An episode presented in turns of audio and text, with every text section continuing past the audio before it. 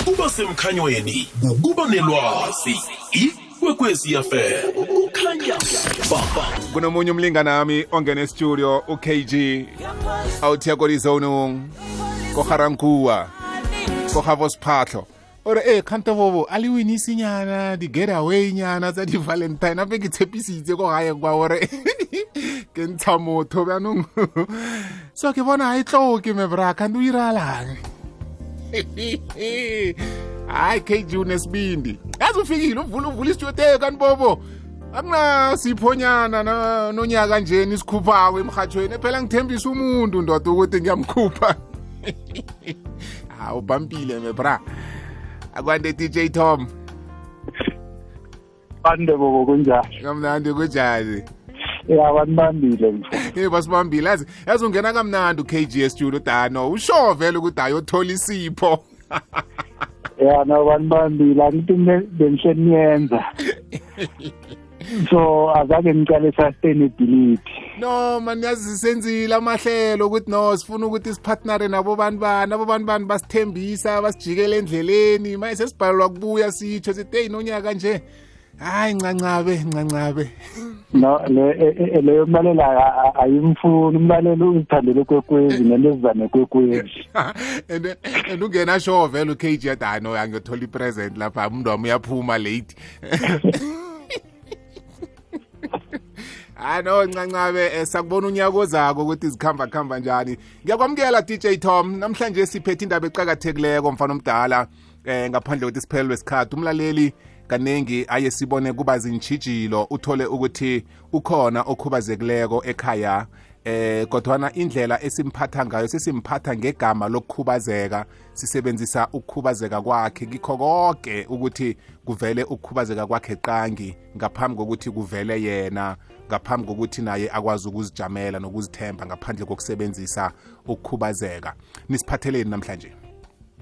Eh bobo tapita ngilotshise ngilotshise umlalelo ekhaya emhathweni omkhulu ikwekwezi FM kukhanya ba indaba oyibekako indaba eqakathekile khulu. Bobo engicabanga ukuthi umuntu okhubazekileko nomuntu ongakakhubazeki kufanele eh ayazi ayitshejisise kodwana la asikhulume nomuntu okhubazekileko yena ngokwakhe singafaki mhlambe ah, omunye umuntu ongicadi simfake khudlwana sikhulume eh siqalane nomuntu okhubazekileko. Ya ya. Ukuthi esikhathini esiningi abantu nabaza kuthatha eh ngehlonipho bakuzwisise bakuthathe serious kuya ngokuthi wena uvele njani phambi komuntu loyo.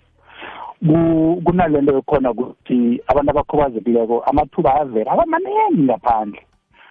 Kodwana before yena azokuthoma afika phezu kwale thuba leli elivelileko uthoma ngokuthi naye athathe lokukhubazeka akubeke ngaphambili.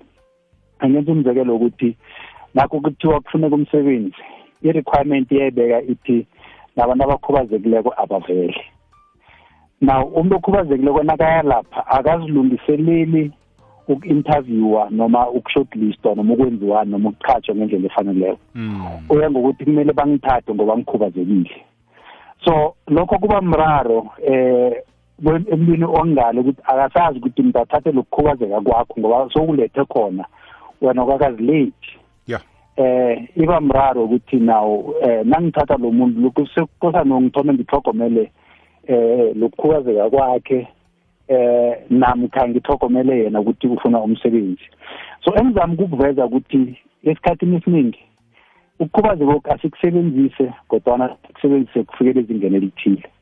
Nalapho kukhona ukukhubazeka abakusebenzise bakusebenzise ukufikela ezingeni elithile eh ngombana uthola ukuthi abantu bathi sifuna abantu abazokusebenza kodwana sifuna abantu abakhubazekileyo Mm. now awusakhona ukuzwisisa ukuthi sebacala ukukhubazeka ngombana bafuna ukucomplya lapho kunye Mm. namkha bafuna vele abantu bese ukukhubazeka kuze ngemuva so Ngiyakuzwa. ngezinye zezinto kufanele siyi-check leso yazi tom uveza i- ifihlakalo ye- ye- yesitshijilo eh ngifuna ukuyibeka njalo ngoba nami nangikhubazekileko angisazi ukuthi kufanele ukukhubazeka kwami ngikuveze kiyo yonke imitlolo engiyisebenzisako eh yoku-aplya ngaba sesikolweni ngaba semsebenzini.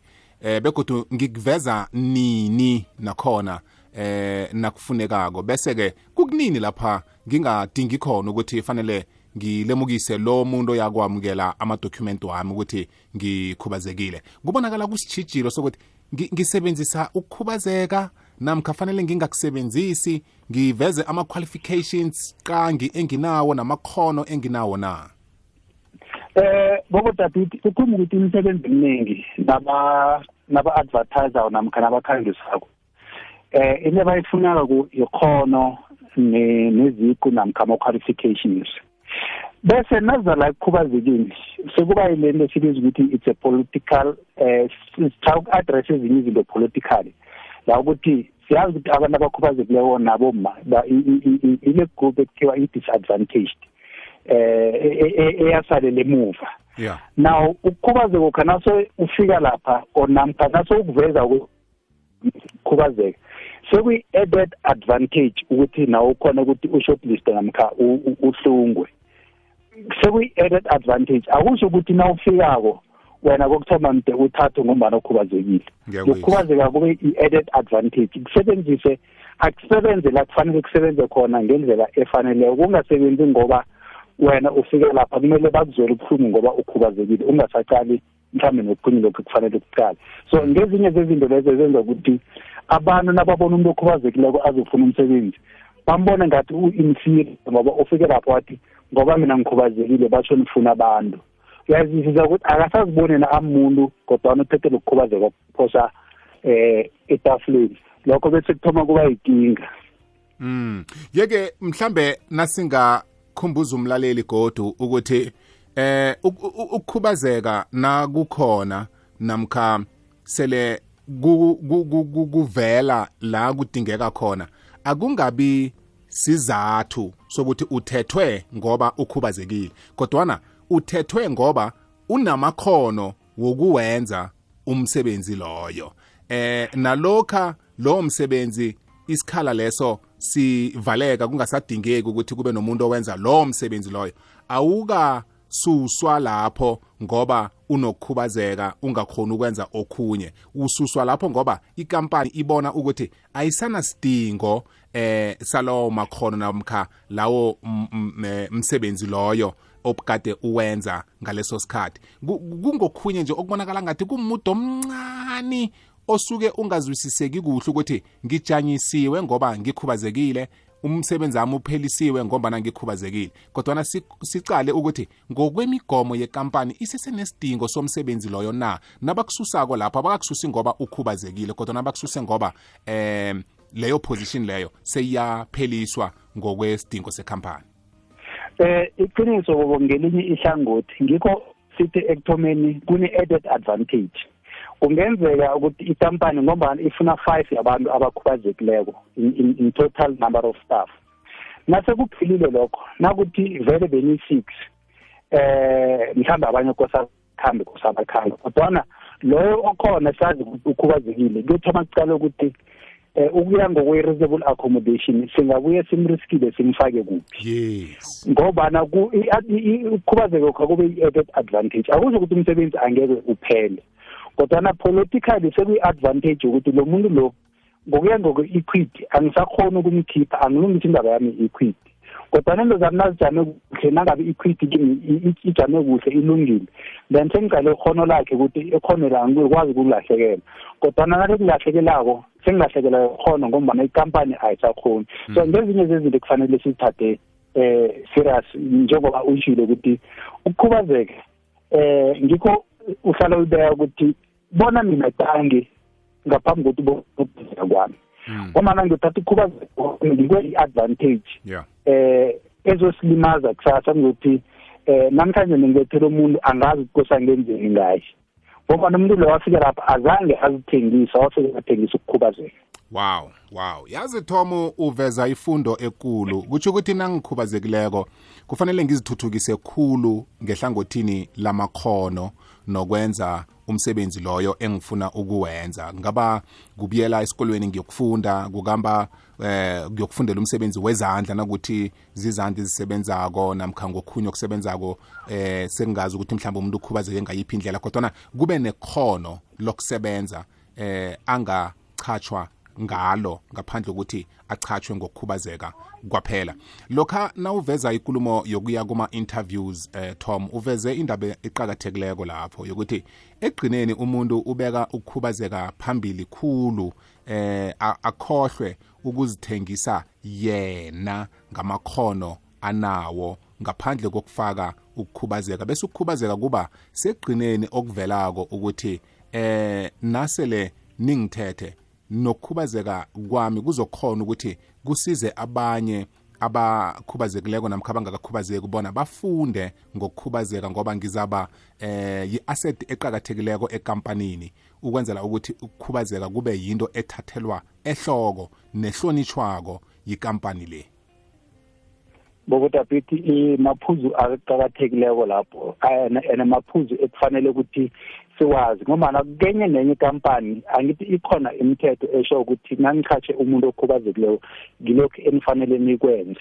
So bayakwazi lokho. Wena nasofikileko kibo sekubuyela kule mithetho leyo ukuthi si-implimenta kanjani ngoba nangumuntu sekakhona asekho isidingo sokuthi kuwe mdi um uthome ulile khulu uthome ngokuthi mina ini ini.